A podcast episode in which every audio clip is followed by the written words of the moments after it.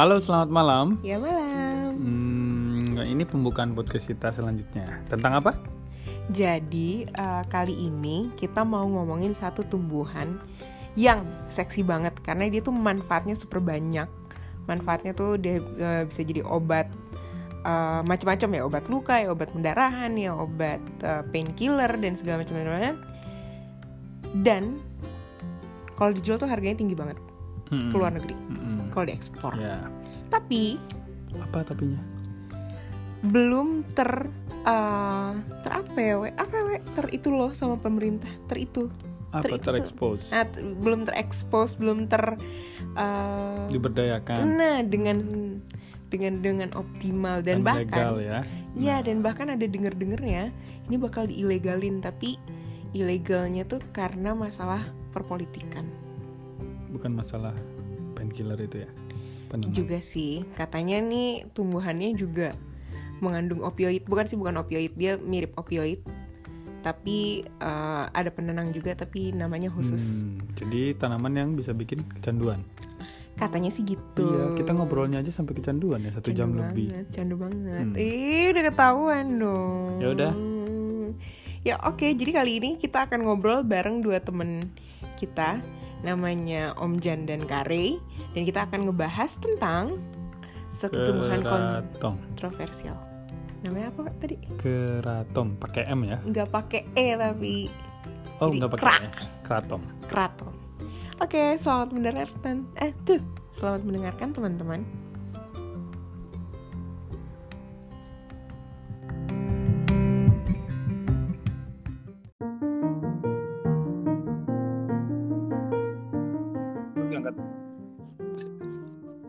Siapa nih udah ganggu?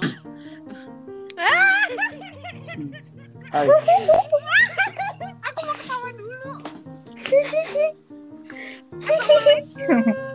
Waalaikumsalam. Selamat malam semuanya. selamat malam.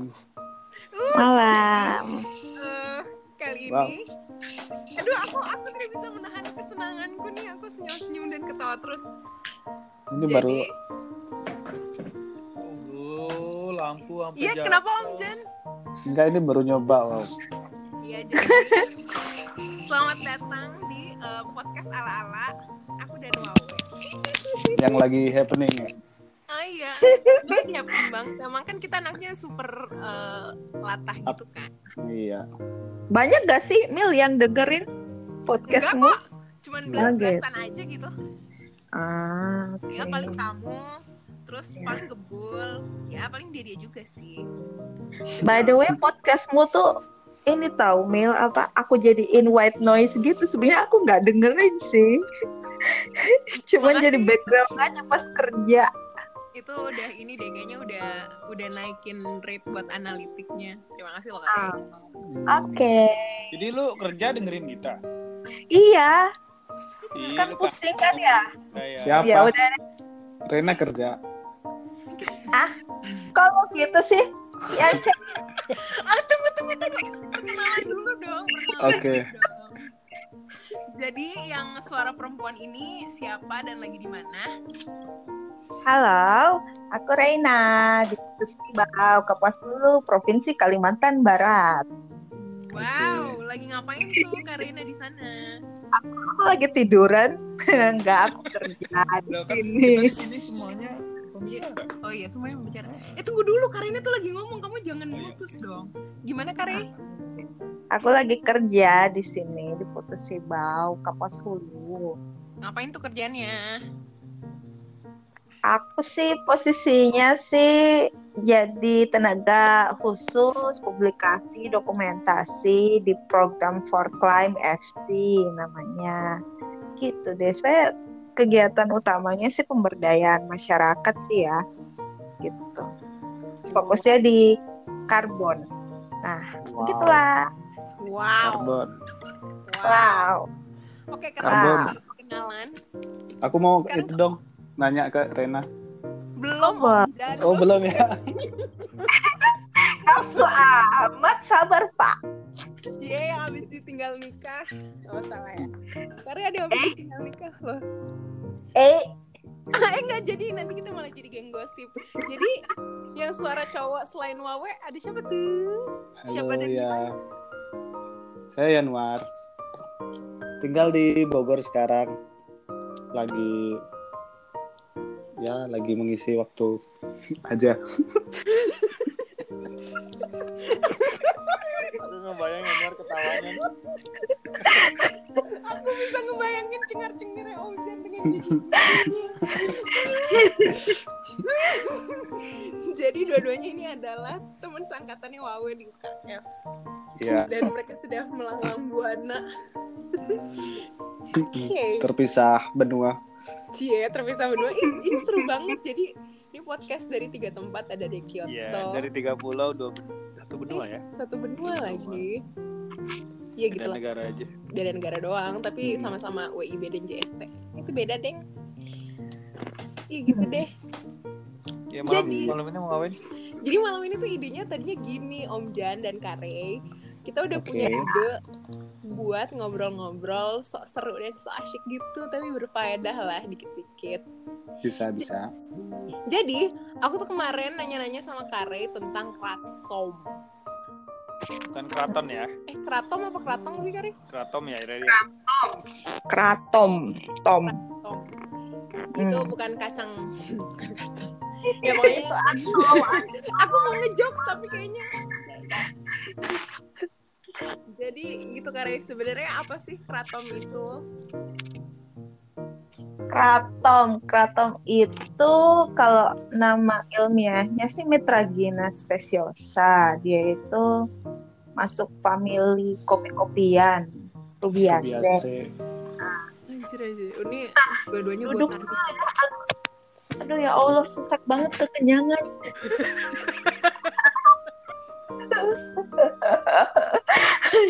Iya, jadi Efek suara dia sih.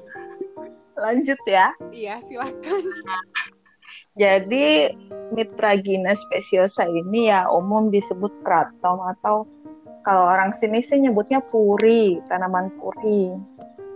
Itu tuh tanaman hutan sih sebenarnya yang hidup itu daerah-daerah rawa gitu. Kalau sebarannya sih di selain di Indonesia itu ada di Malaysia sama Thailand juga. Kalau di Indonesia adanya di Sumatera, Kalimantan sama Papua ya yang ada rawanya. Di Gitu. Jawa ya? Di Jawa nggak ada deh persebarannya. Cuman kalau yang dagang sih banyak kayaknya Di dagangnya. Jawa. Iya. Sebenarnya sebenarnya dia apa sih digunakan sebagai apa? Nah, kalau keraton ini tuh dia itu tuh digunakan daunnya. Jadi daunnya itu diambil, petik, terus eh, apa? Sebagai bahan baku obat tradisional sih sebenarnya dulunya sih dimanfaatkan oleh orang-orang zaman dulu sebagai apa bisa obat diare, terus atau eh, kadang bisa digunakan untuk ngobatin luka atau juga buat apa ya? Iya, buat luka bisa. Buat menghentikan darah nifas katanya juga bisa. Sama dia bisa nambah tenaga juga. Nah, sekarang sekarang tuh penggunaannya lebih banyak untuk obat penenang sih ya. Obat penenang pereda rasa nyeri. Mirip ganja, mirip ganja. Ah, itu. Aduh, nggak pengen Tapi- nyebut ganja. Tapi di di di di, di semok semok tuh dia apa sih? Dibakar juga kayak rokok gitu kayak ganja ya. Oh, kayak tenaga ganja enggak. aja kok. Oh, enggak. Oh jadi ini aku aku harus menjelaskan kalau kratom ini sekarang lagi kontroversial karena oleh BNN itu dia dimasukkan sebagai uh, apa ya bahan yang potensi potensial uh, masuk dijadikan narkoba lah gitu karena Adik, adiktif ya. Iya, dia dia ada itunya lah bisa bikin bisa bikin kecanduan. Aku nggak bisa bilang dia sampai taraf mana bikin kecanduannya, tapi mungkin dalam kondisi kalau pemakaiannya benar-benar berlebih, mungkin bisa bikin kecanduan Nagih. gitu. Sakau. Kamu kamu udah coba, Re? Iya, udah coba belum Kare? Udah nyoba, udah beberapa kali nyoba dan nggak ada sih, Gak kecanduan? Nggak. Dosis, dosisnya mungkin. Kurang Iya. tinggi nggak? Ini sekarang Ini lagi Ray lagi terus. fly apa enggak nih Ray? Iya, jangan jangan Bukan fly, Ini ini ngomong lagi fly enggak nih? enggak. Kayaknya lagi lagi landing kok. Tuh. Soalnya juga ada kawan sih, ada kawan yang dia minum tiap hari dan mereka tuh mereka tuh punya kafe kafe puri gitu, bukan bukan ini sih, bukan kafe sih apa ya kayak nongkrong nongkrong Kedai, kedai gitu ya. Kelapa tua. kedai. Dulunya sih nongkrong nongkrong gitu sambil minum minum sekarang diganti minum minum minum minum minum minum kratom jadinya gitu. Oh, jadi sudah bisa masuk ke kedai-kedai. Bisa. Eh, itu sih di kampung. Oh, di kampung. Begitu. Tapi masih kontroversi ya, Re. Belum ada ketok Masih. palu. Dilarang apa Jadi, enggaknya? oh ya sekarang sih apa ya? Terakhir ada ada kayak semacam rapat internal gitu deh antar kementerian, kementerian apa?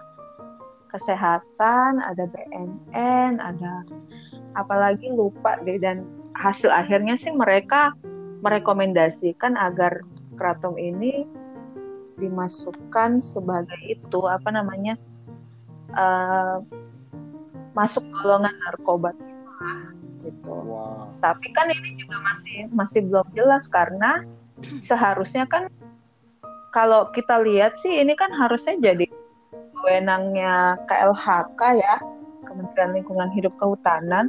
Tapi saat rapat itu sayangnya tidak ada perwakilan sama sekali dari KLHK karena kalau kami sih di sini ingin mengusahakan kratom ini jadi hasil hutan bukan kayu gitu karena kita manfaatkan daunnya kan. Emang itu dijual juga Kare?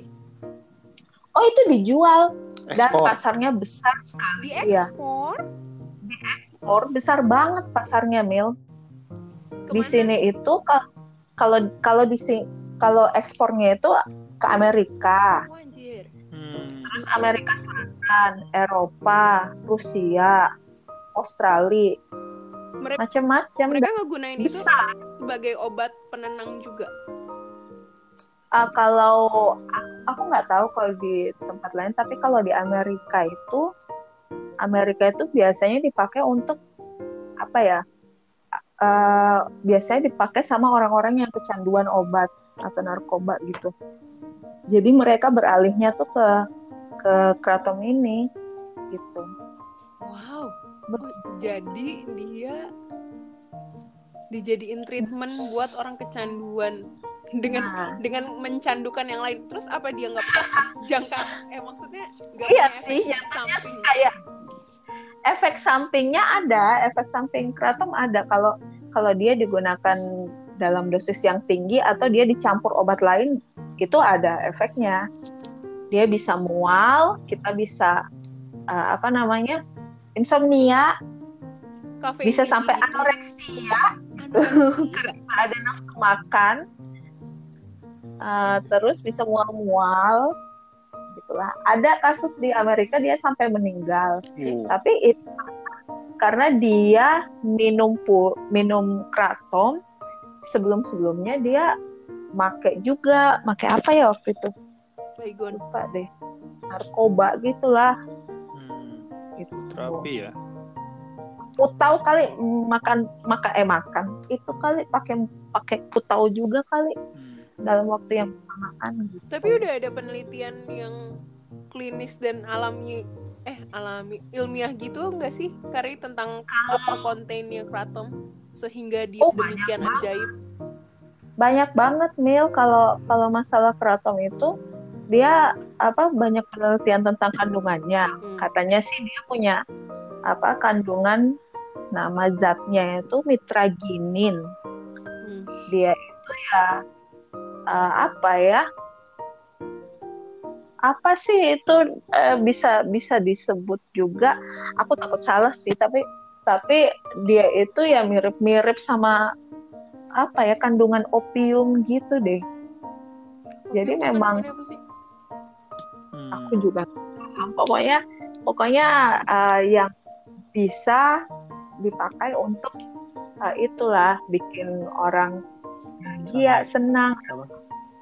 iya itu bisa menenangkan bisa juga jadi bahan-bahan eh, apa ya namanya yang painkiller gitu seperti itu namanya mitraginin Oke.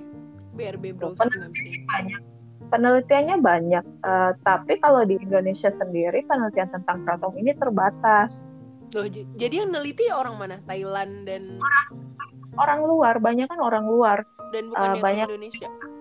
oh nggak jarang sekali penelitian yang seperti ini di Indonesia gitu makanya sempat dipertanyakan juga Hmm. apa Sama kok enggak?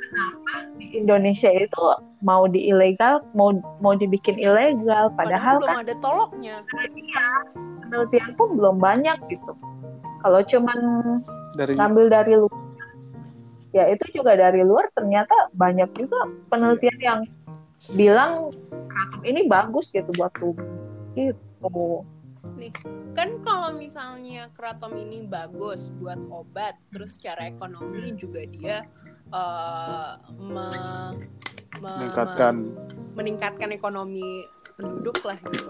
Terus yang merasa terancam dengan dengan adanya kratom itu emang siapa? ustadz ustadz Oh Ustaz. pada mabok. Ya pada pada tuh. Oh, subhanallah Om Jen betapa sebuah kesimpulan yang begitu cepat. Ustadz juga bisa dapat keuntungan kan iya. Pada tobat-tobat kan. Berguru nanti hijrah Ustadz hijrah. Produksinya tuh masal ya? Apa dia tumbuh bebas ah aku harus jawab yang mana dulu nih? Eh, yang Weh, yang, yang pertama dulu deh. yang Ustaz. pertama. Yang Ustaz. yang kenapa dijawab katanya ini tuh apa ya? Eh, bersaingnya persaingan usaha juga sih sama industri besar karena eh, Itu obat penenang Banyak bilang. orang ya kalau di kalau di Amerika kan dia kan apa ya produksi banyak banget jenis obat lah buat orang-orang mereka yang stres dan butuh obat penenang gitu kan ya. Nah sayangnya obat-obatan yang diproduksi itu yang secara modern biasanya kan bikin kecanduan. Sementara kratom ini dia kan herbal ya, Hmm. Masuknya obat tradisional yang Obatnya dokter Hombing.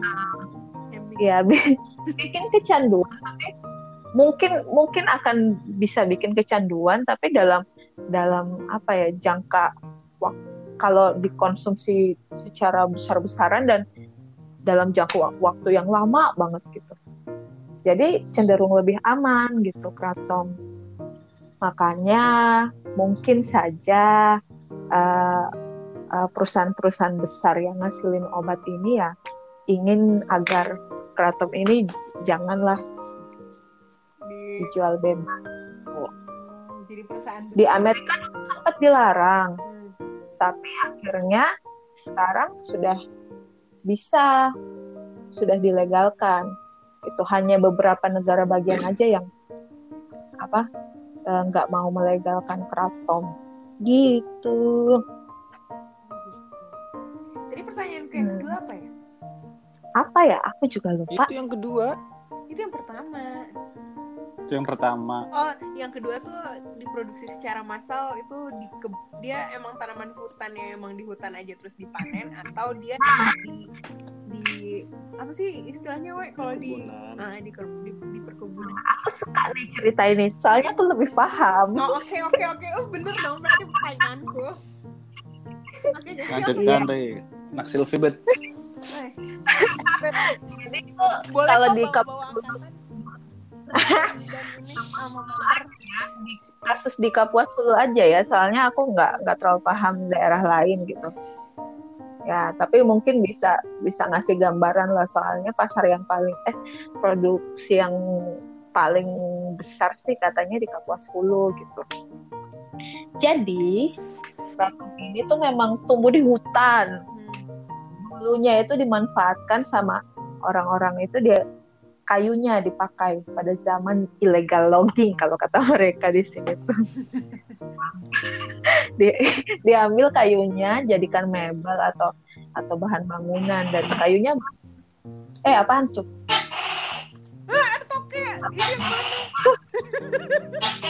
Kedengeran ya? Tahu apa? Aduh, banget. Unpredictable tau nggak ada ada tuh. Itu karya apa Om Jan? Aku. ajakin dong ya. Aduh. Sorry. Itu tongke ya. Dulu ya kawannya tuh. Aduh. Oke. Gimana tadi lupa. Tanggung jawab Om Jan tadi Karena sampai mana? Jadiin mebel kan Iya. dijadiin mebel. Jadiin mebel dia tuh kayak katanya tuh tahan lama karena karena eh, rayap pun nggak mau makan katanya aku juga nggak tahu sih itu kandungan kayunya apa sampai dia Soalnya rayapnya takut painkiller. Bukan, bukan gak mau makan, yang udah makan teler. Iya nggak mau kerja Iya, lagi dia. Udah makan mati. Iya, mati dia kecanduan, overdosis. jadi ya kawan-kawan Ya masuk akal sih. oke ya Terus habis itu Oh, ntar aduh mau sendawa ya udah sendawa aja. Bebas kok ini platformnya suka-suka. oke Enaknya Ah, terus? ah, apa? Podcast ya. Enaknya podcast lu nggak bakal ketahuan jeleknya sendawa. Atau lagi bule-bulenya Gitu. rambutmu gitu. Lu ngomong sambil ngupil gitu nggak ketahuan Re daripada youtuber. Ya, oke oke boleh Iya boleh kali. tokek pun bisa masuk.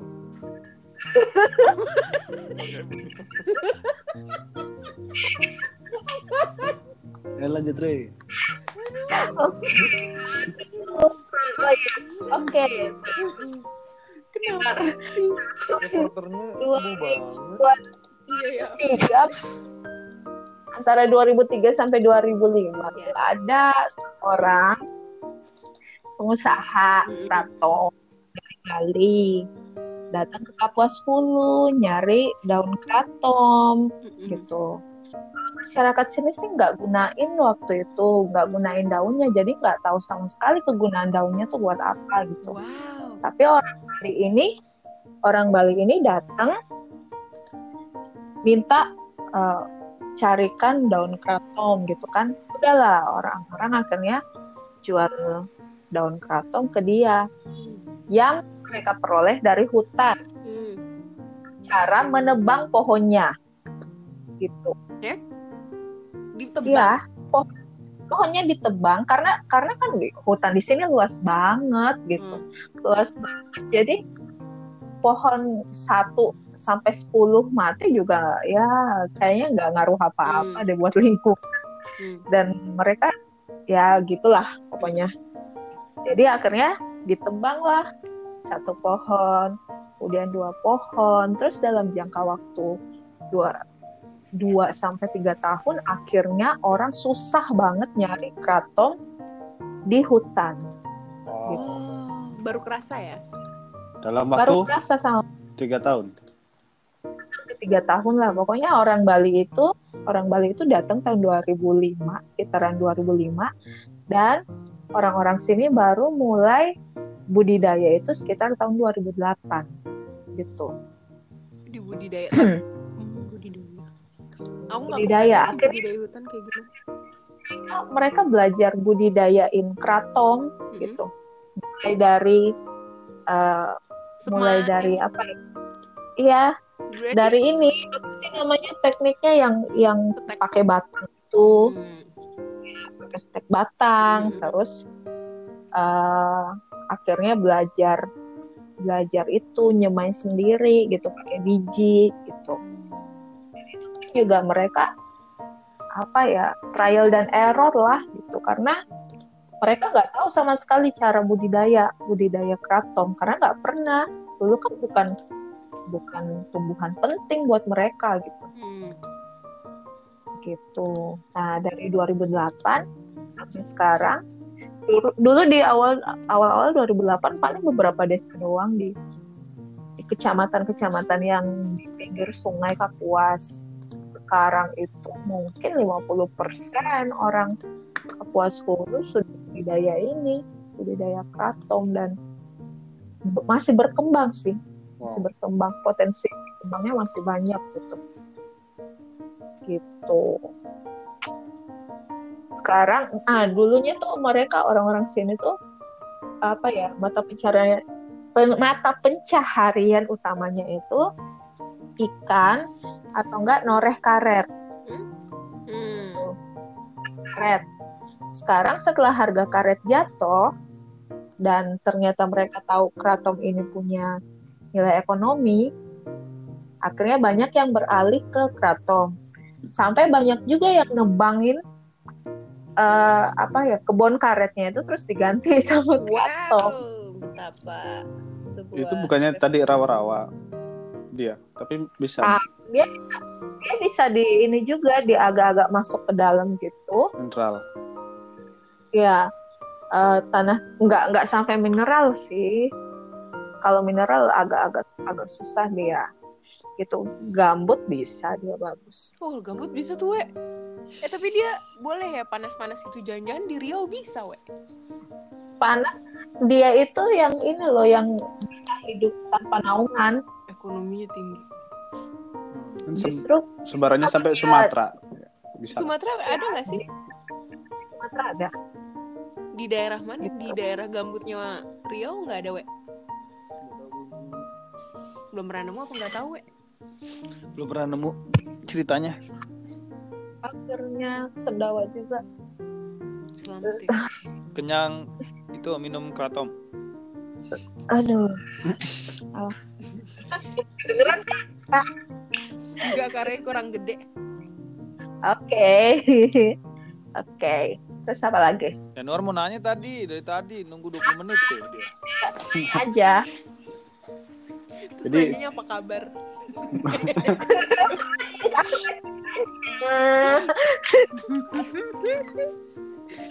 apa kabar yang ditinggal nih? Salah. Nah, singgung-singgung. Siapa yang gergajian Oh, Minum. bukan ya? Iya, Oh, galon itu tuh. Oh, jadi ini tuh udah pompa kayak Pompa gitu? pompa galon.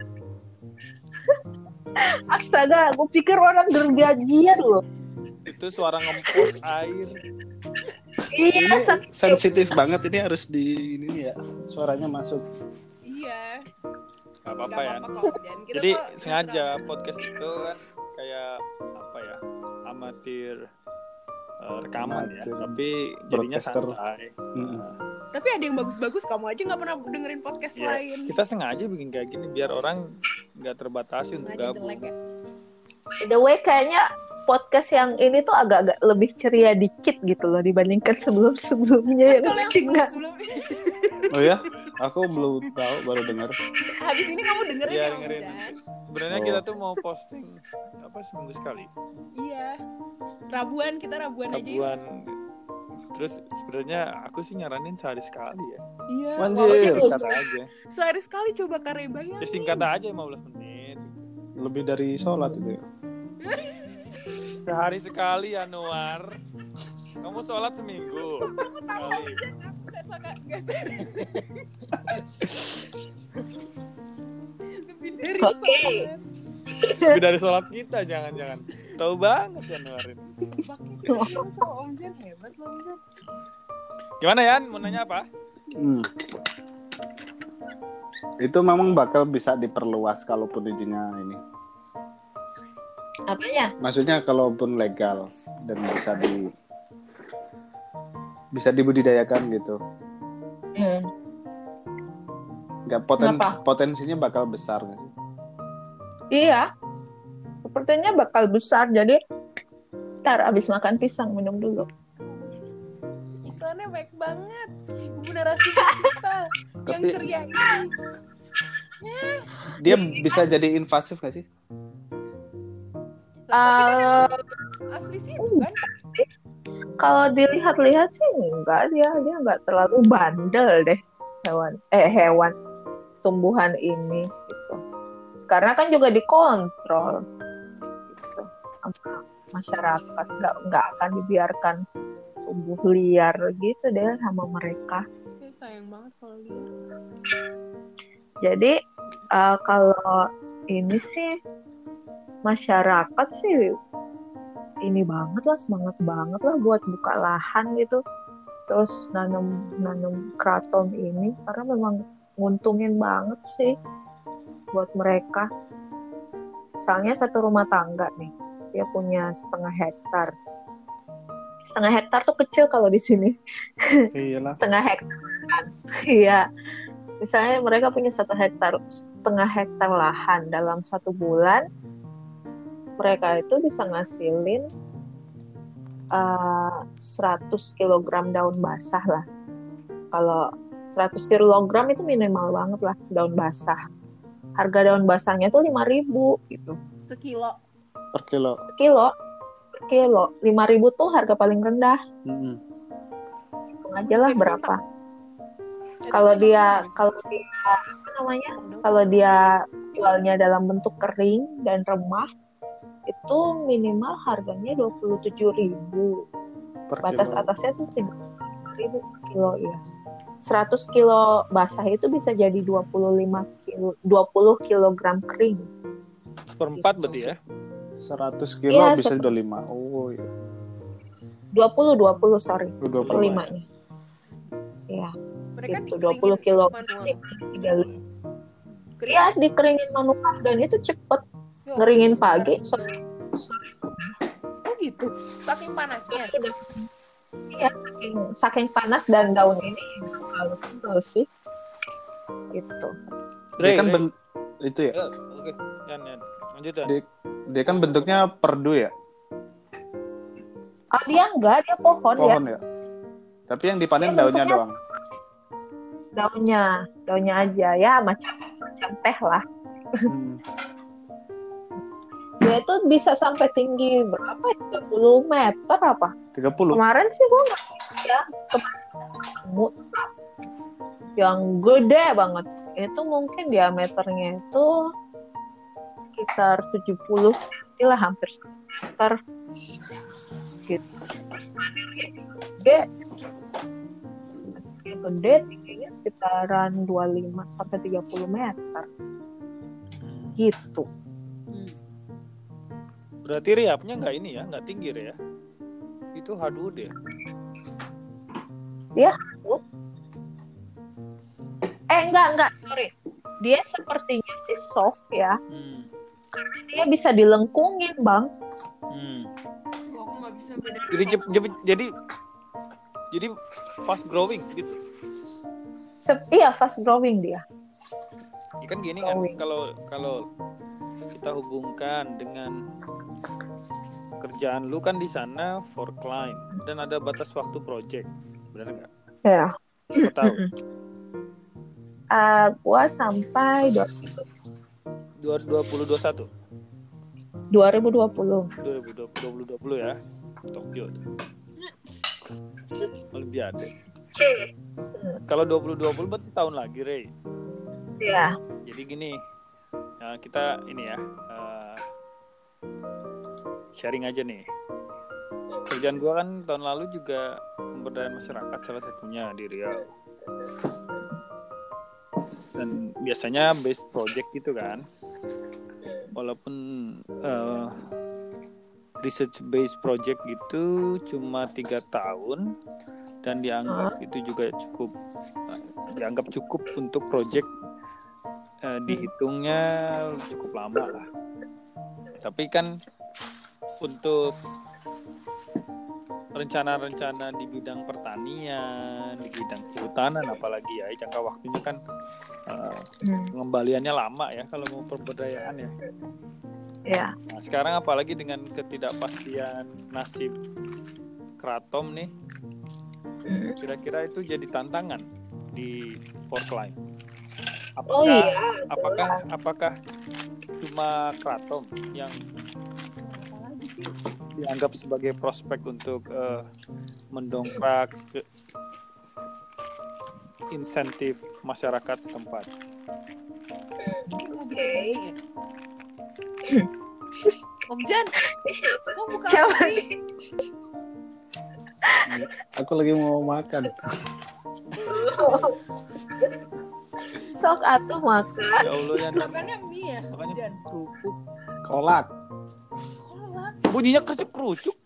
plastiknya. Lanjut lanjut. Oke, jadi Aman nih, nyebelin banget. Jadi kalau kalau gue tuh programnya emang apa ya pemberdayaan masyarakat sih. Salah Ah, satunya spesiesnya Kratom. salah ya itu cuman salah Salah satu satu ya. bagian kecilnya aja itu masuk dalam uh, ke- intervensi kami disebutnya investasi karena kan yang sumber dananya kan dari bank ya dari bank bank pembangunan Jerman makanya nyebutnya investasi. Nah uh, kratom itu ya salah satu jenis yang kami kembangin dalam investasi agroforestry gitu. Tapi Nah, kalau jenis-jenis dari tangkapan tim for climb, Hmm? masyarakat benar-benar atraktif gak terhadap kratom? oh iya Yang maksudnya gini, for climb ini kan menyambut baik eh, antusiasme masyarakat dalam Hmm. eh, memberdayakan eh, kratom ya sebagai salah satu tujuan apa? For climb ini kan apa tentang karbon ya? Iya, Gitu kan ya. ah, ah, Pokoknya masyarakat mau nanam itu menjadi salah satu indikator direspon baiknya program Hmm. ini kan gitu ya. Iya. Jadi apa pun spesiesnya ya for climb ngerasa oh ini menyegarkan nih gitu ide-ide ini bisa jadi alternatif atau progresif gitu ke depannya. Ya kan gitu ya. Ya. Nah, nah kalau dari penangkapan tim for climb ngerasa kratom ini salah jadi jadi paling apa ya dominan nggak di masyarakat? Apakah Iya, ada Bang. yang lain? ah, Kak, dominan banget karena tahun lalu aja kami itu nanam kalau nggak salah keseluruhan tuh 600 ribu batang. Kalau Ya. kalau dari 600 ribu aturan ini kemudian membatasi berarti ada ancaman juga dong terhadap keberlangsungan for climb Nah, di sana. ya betul. Gue jelasin dulu. Jadi 600 ribu batang itu 50 persennya adalah kratom gitu. Nah itu uh, penanaman dari tahun 2016 sampai uh, kratom ini mulainya dari tahun 2016 ditanamnya sampai 2018 kemarin. Nah proposal yang terbaru akhirnya kami batasin.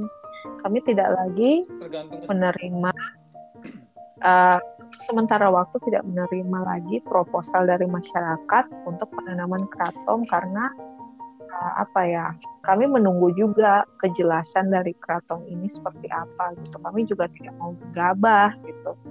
Uh, meneruskan meneruskan program ini nanam kratom padahal itu juga masih kontroversi gitu.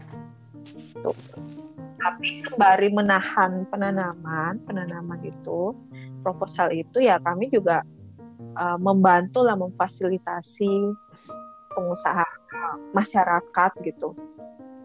Uh, untuk menyuarakan kalau uh, harapan mereka adalah agar kratom ini legal. Seperti itu. Jadi nggak kita lepas juga lah gitu.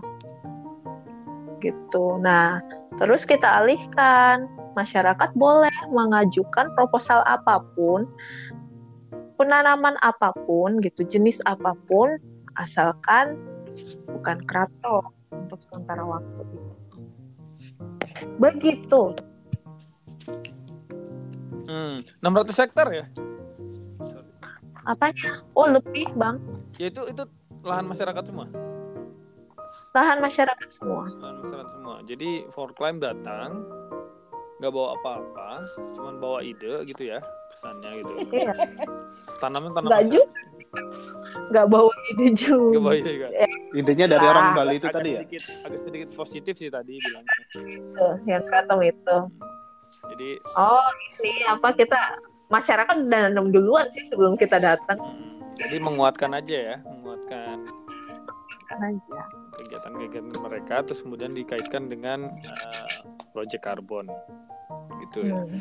karena riskan sekali kalau kita datang Hmm. pertama nih ya lahan-lahan mereka resources resources mereka yang nanam mereka yang ngurus mereka dan lain-lain. Hasil emang buat mereka juga. Tapi kalau kita intervensi di tengah terus kita kemudian dalam tanda petik menjanjikan sesuatu yang lebih uh, beneficial misalkan Hmm. dengan keraton walaupun mereka sudah mengupayakan keraton ya. Terus kemudian ada masif gitu. Walaupun kita ngasih bantuan pada akhirnya program kita malah nanti jadi kontraproduktif jadi nggak dipercaya lagi proyek-proyek dari pemerintah dari luar. Itu yang eh, biasa dialami di ya Riau mungkin ya sebagian ya sebagian besar Riau gitu. Jadi masyarakat itu kadang jadi jenuh Hmm. karena proyek datang walaupun dibilangnya relatif lama misalkan dua tahun tiga tahun tapi memang visibility-nya nggak dibangun secara solid sehingga ketika proyek selesai masyarakat Hmm. belum mapan untuk melanjutkan kepastian juga urung datang Hmm. jadi eh, khawatir nanti program-program yang mungkin namanya investasi gitu dari luar negeri malah Nah, jadi malah punya eh, image negatif gitu dalam di penerimaan masyarakat gitu Hmm. jadi apalagi eh, keraton yang kayaknya lebih kontroversial ini Hmm. tak khawatir nanti misleading kan ya kita eh, yang pegang project malah nanti bisa jadi kena banyak pukulan Hmm. dari mana-mana gitu. Ya, ya, ya. Tapi masyarakat sudah tahu deh posisinya Apanya? keraton keraton itu di Udah maksudnya legal nggak legal. Udah tahu eh, masyarakat pun sadar sih kalau ini kontroversi dan nggak jelas gitu. Tapi ya Selama akhirnya belum selama belum dilarang, Hmm. kan belum Ya, selama belum dilarang ya terus aja iya betul sih. Jadi Iya. Sampai ya kita kan bukan dalam kapasitas untuk melihat bahwa itu legal, itu kan udah urusannya udah udah nggak cuma secara medis ya, itu menyangkut banyak hal, perdagangan lah, geopolitik dan lain-lain. Tapi yang sebagai praktisi project paling nggak kita ngeh gitu posisi kita, bener gak gitu? Yang proyek mas. Iya orang-orang yang khawatir kalau terlalu dan jangan cuci tangan juga nanti. Ini kan saya nggak menjanjikan. Hmm. Iya. Kita memang di luar project jadi beyond project ya. Ya ya kita memang punya apa ya? Dorongan kan punya keinginan punya apa ya? Punya passion lah gitu. Untuk ya memberdayakan masyarakat. Karena mereka yang lebih tahu wilayahnya lebih tahu potensinya. Dan kita yang tahu sedikit dari misal dari bidang akademis gitu kita mulai eh, kawinkan dengan eh, kearifan lokal gitu. Kita pengen masyarakat itu berdaya. Dan seharusnya itu di luar dari kepentingan project gitu. Cuma sekali lagi kadang kita berhadapan sama kondisi-kondisi yang ya begitu. Yang kayak tadi masyarakat nanti ngerasa punya harapan lebih banyak dengan kita datang. Terus kemudian kita pulang. Terus kemudian mereka ngerasa loh belum selesai nih itu itu itu itu itu mulai kelihatan gak kayak gitu gitu di sana enggak sih Karena Belum ya? mereka kan belum jenuh itu. Beda ya. udah establish bahkan sebelum Kare dan For Climb datang. Hmm, karena memang Beda ya sama di Riau lah kasusnya. gitu ya Orang Riau kan nggak ngapa-ngapain di Gamlut, maksudnya mereka kan cuman eh ya pal sawit sawit sawit aja terus Sawit nggak ada karet ya. nggak ada nggak ada yang lain terus kemudian ditawarkan hal yang lain sama LSM LSM apa segala macam terus programnya nggak berkelanjutan ya mereka ya terus Hmm, Oke. Ya. Kalau kami sih lihatnya sih kalau kami sih ya enggak eh, awalnya juga nggak menawarkan apa-apa sih. Jadi eh, masyarakat apa aja lah gitu proposal yang kebutuhan masyarakat ya udah masukin aja gitu. Hmm. Tapi dengan jelas dikasih tahu bahwa proyeknya sebenarnya karbon. Apa? Nah itu masyarakat sini nggak percaya karbon. Jadi Bareng goib itu ya. Iya, karena apa ya? eh mereka curiga sendiri karena dulu pun sudah banyak, sudah bukan banyak sih, beberapa program juga yang masuk, proyek yang masuk yang eh, mungkin tentang karbon, eh ya tentang karbon dan mereka melihatnya itu lebih banyak negatifnya karena dipikirnya ya karbon berarti menjaga hutan mereka nggak bisa masuk ke dalam hutan itu memanfaatkan apa pun di dalamnya gitu. Makanya jatuhnya ya ke sini sini sih kegiatan kami justru yang karbon itu nggak terlalu nggak terlalu ini sih yang penting. Menonjol. ya nggak terlalu menonjol. Jadinya ya kayak Tapi dalam nggak terlalu kesepakatan dengan dengan donor itu kan Ya. harus dicapai, benar nggak? penting adalah deforestasinya eh bukan Menurun. emisi karbonnya menurun gitu ya ya Oh, udah Berarti capaian indikator capaiannya nanti ada juga ya checklistnya apa itu. Apakah indikatornya luasan yang ditanam, apakah berapa banyak batang yang berdiri gitu.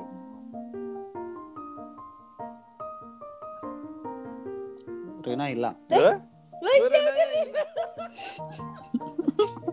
Lah gimana? Silakan dijawab ya. jadi gimana? Sembari aku. Oke, lagi. Udah, udah, udah, Ya, tadi ya. aku keluar ya? Iya kamu hilang tadi Iya. Mana tadi? Eh. Jawa dulu. enggak enggak tahu. Tiba-tiba gitu mati. Coba dicoba Jaringannya kali jaringan mungkin. hmm, enggak dong. tadi dapat nggak? apa sih tadi? Lupa deh Bukan lupa emang nggak kedengeran. oh gitu Ih, eh bisa kali ini dibikin dua Duh. Iya, iya. bisa sih iya. tapi kita stop dulu Kita stop dulu di pertanyaan. Eh, Mau disejamin apa nggak usah? Nggak usah. jamin aja lah biar ini jadi jamin belakang aja. Oke. ha ha ha ha. Ya, pertanyaannya tadi kan berarti ada indikator ya capaian project ya, mau itu luasan atau banyaknya batang yang eh, berdiri di atas lahan Ah. yang di didasari Oh, project iya. gitu ya. Gitu ya? oh ah, ah, kalau gue tuh eh, emisi emisi karbon tuh emisi karbon ekuivalennya turun 300.000 ribu sampai 400.000 ribu karbon ekuivalen kalau nggak salah ya dalam satu Enggak, enggak. lokasi Yang sederhana aja. Indikatornya apa, Rey? Itu karbonnya Hitungan turun karbon. emisi karbon turun Ya, Emisi karbon. karbon itu kan dilihat dari stok biomas Iya. yang di atas gitu. ah Itu berarti yang dilihat sederhana luasan apa batang? Konteksnya Lalu, penanaman. Tutupan. Masyarakat kan nanam nih 600 hektar tadi. ah, Itu bukan berarti bukan luasan. tutupan yang pasti, bukan tutupan yang pasti. Bukan tutupan ya? Ah, ya. Batang kayaknya ya, gak ngerti juga. Hitungan karbon, Kan gini gini gini, Rey. Ah, ah. eh, banyakan banyakan banyakin ngurusin duit doang. Staff dokumentasi sih ya soalnya. dokumentasi ngurusin duit kan soalnya. ya. Gini, Rey. Kalau Apa tuh? kalau kalau em, donor kan donor punya capaian nih. Dia investasiin duit kan harus ada hasil ya. Oke, Iya, memang Deliverable-nya apa gitu. Eh, ini eh, hitung-hitungan saintifiknya oke katakanlah tadi ada eh, C stoknya berapa nurun dan lain-lain. Tapi kan kalau dalam praktis nih kita susah nih jelasin ke masyarakat kan biar dapat capaian ini. Berarti kan kita konversi atau kita deliver kita sampaikan bahwa eh, dengan adanya penanaman atau dengan adanya masyarakat yang join itu nanti akan dikonversi atau di eh, iya benar di diubah atau diformulasikan menjadi capaian capaian project. Ah, Kalau misalkan di di Riau nih project gua ya sederhananya berapa luasan yang ditanam, berapa orang yang join gitu. Kenapa? Karena luasan aja tuh nggak cukup dibilang sukses. oh Kita iya. bisa aja nge-hire atau bukan hire. Kita bisa aja cari mitra satu orang luasannya misalkan dia punya 100 hektar gitu. Kan ada orang yang punya satu hektar satu hektar tapi 100 orang gitu. Itu capaiannya beda. Capaiannya tetap bisa lebih banyak yang pe- eh, mitranya lebih banyak gitu karena di- bisa Oh. dilihat dari rekrutmen misalkan. Iya iya iya. iya. Oke. Ah kalau gue tuh Langsung saintifik gitu ya. Ini Nggak juga indikatornya Enggak juga sih bang. Indikatornya ya tetap juga berapa banyak masyarakat yang terlibat gitu. Hmm, karena kan pemberdayaan, gue mikirnya pemberdayaan Iya. berarti orang. Iya masyarakat lokal, berapa kan? banyak masyarakat, berapa jumlah yang ditanam, berapa hasil yang diperoleh nantinya, begitu. Berarti ada proyek lain yang menghitung nantinya eh, karbonnya, betul? Bukan bukan bagian lu ya? Ah, Bagiannya juga. project lain maksudnya apa tuh bang? Tim lain gitu. Oh iya, Eh, Ada yang tapi ada itu yang ngitung gitu, C, C Hmm. stok di di tanah. C Tim lain? di- tim lain maksudnya di luar ini gue, ya di luar tim lu lah. Atau Iya. di luar project lain.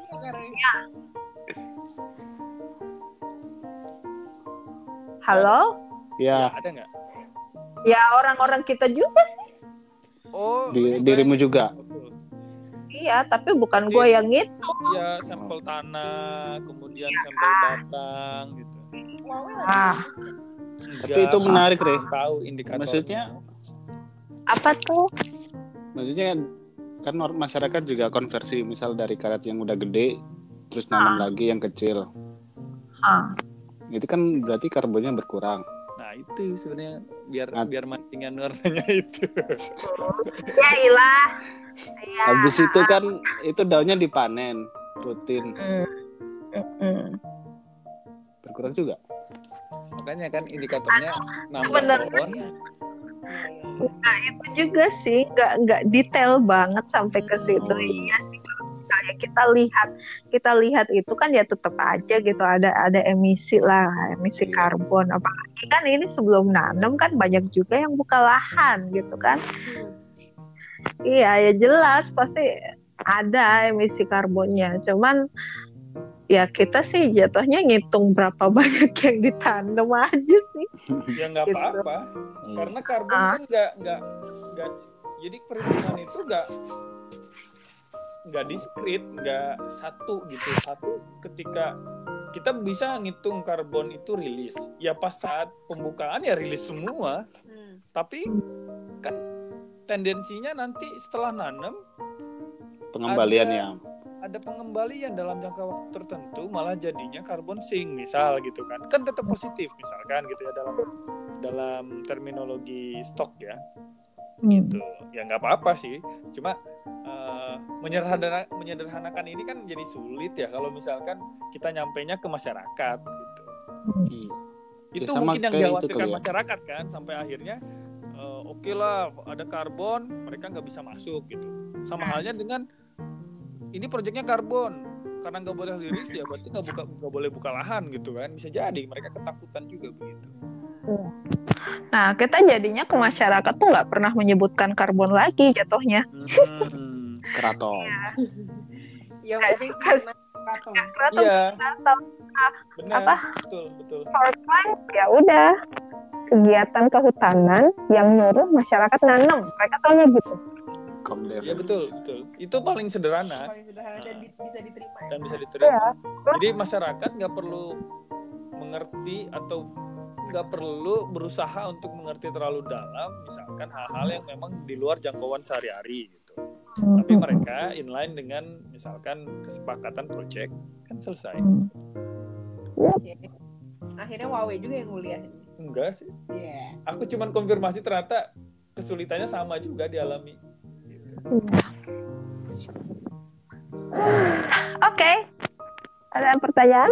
Hei, iya 8 menit lagi. sejam Eh, itu, Ray. Apa, lagi. Yan?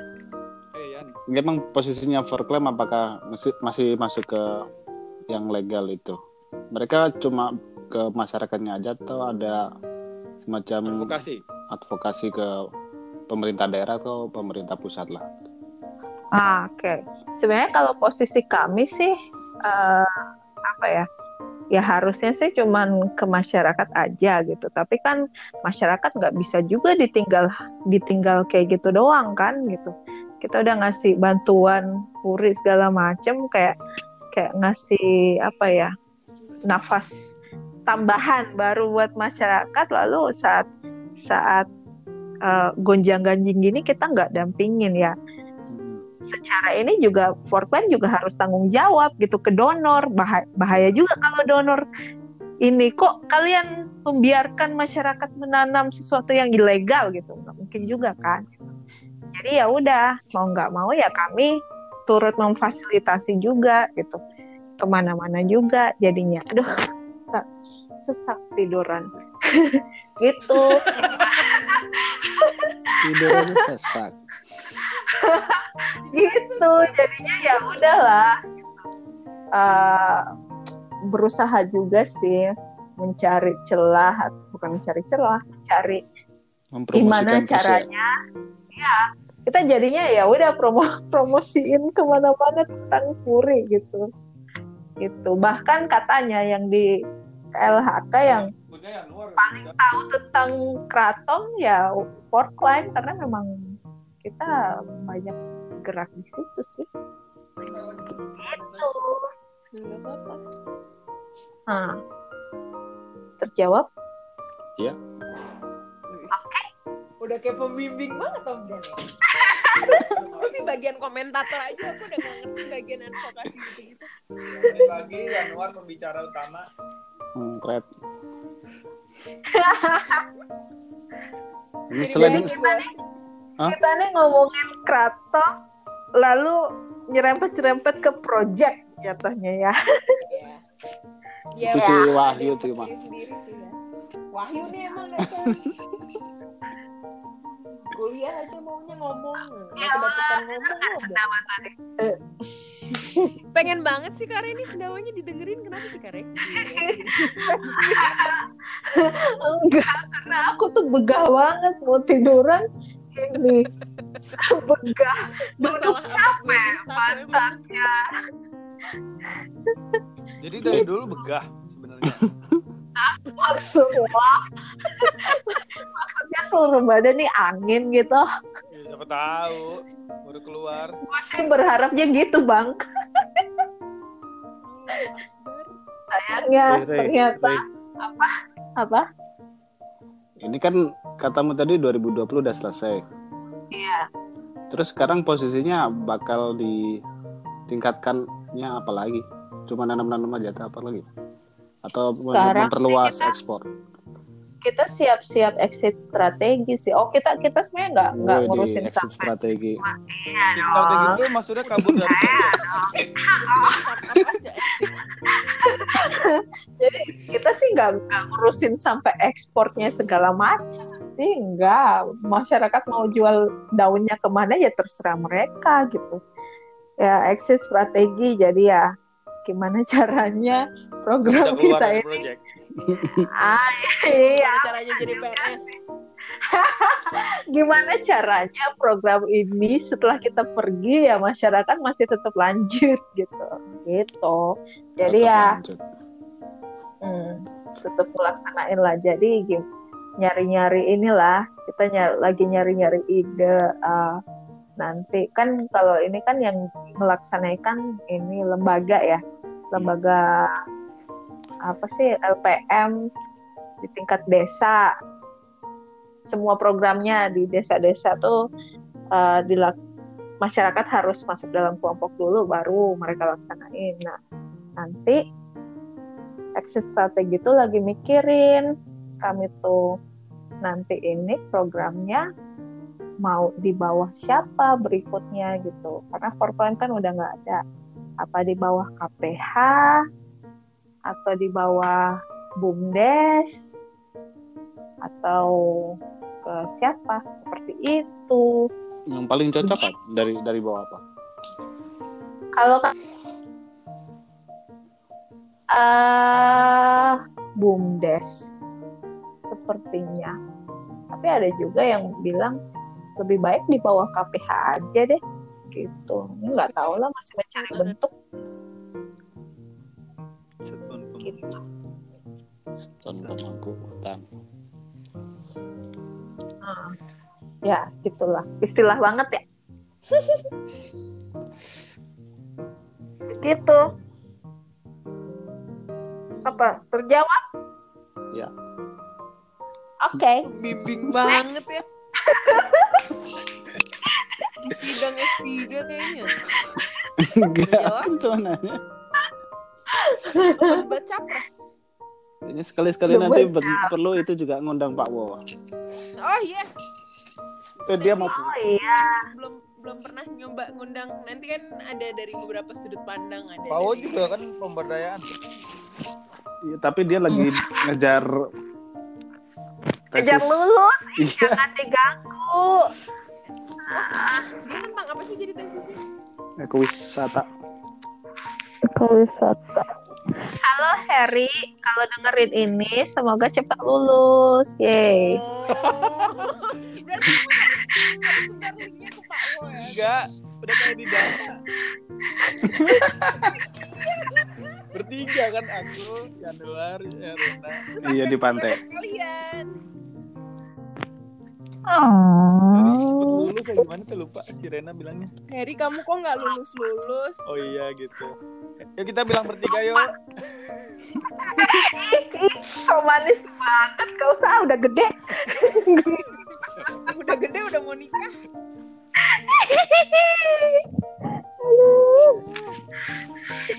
Udah sejam. Ya udah, oh, udah sejam. kita matiin dulu nanti Ray Januar yang jadi pembicara. Kalau aku. Lanjut lagi nggak nih? lanjut lagi kita. Lanjut dong. Oke deh. Aku sibuk. bye bye. Eh Ance lu jangan so sibuk. Ah di kandang doang juga Om Jan. Aku putus dulu ya. Ya, kasih. Yuk. assalamualaikum. Waalaikumsalam. Sis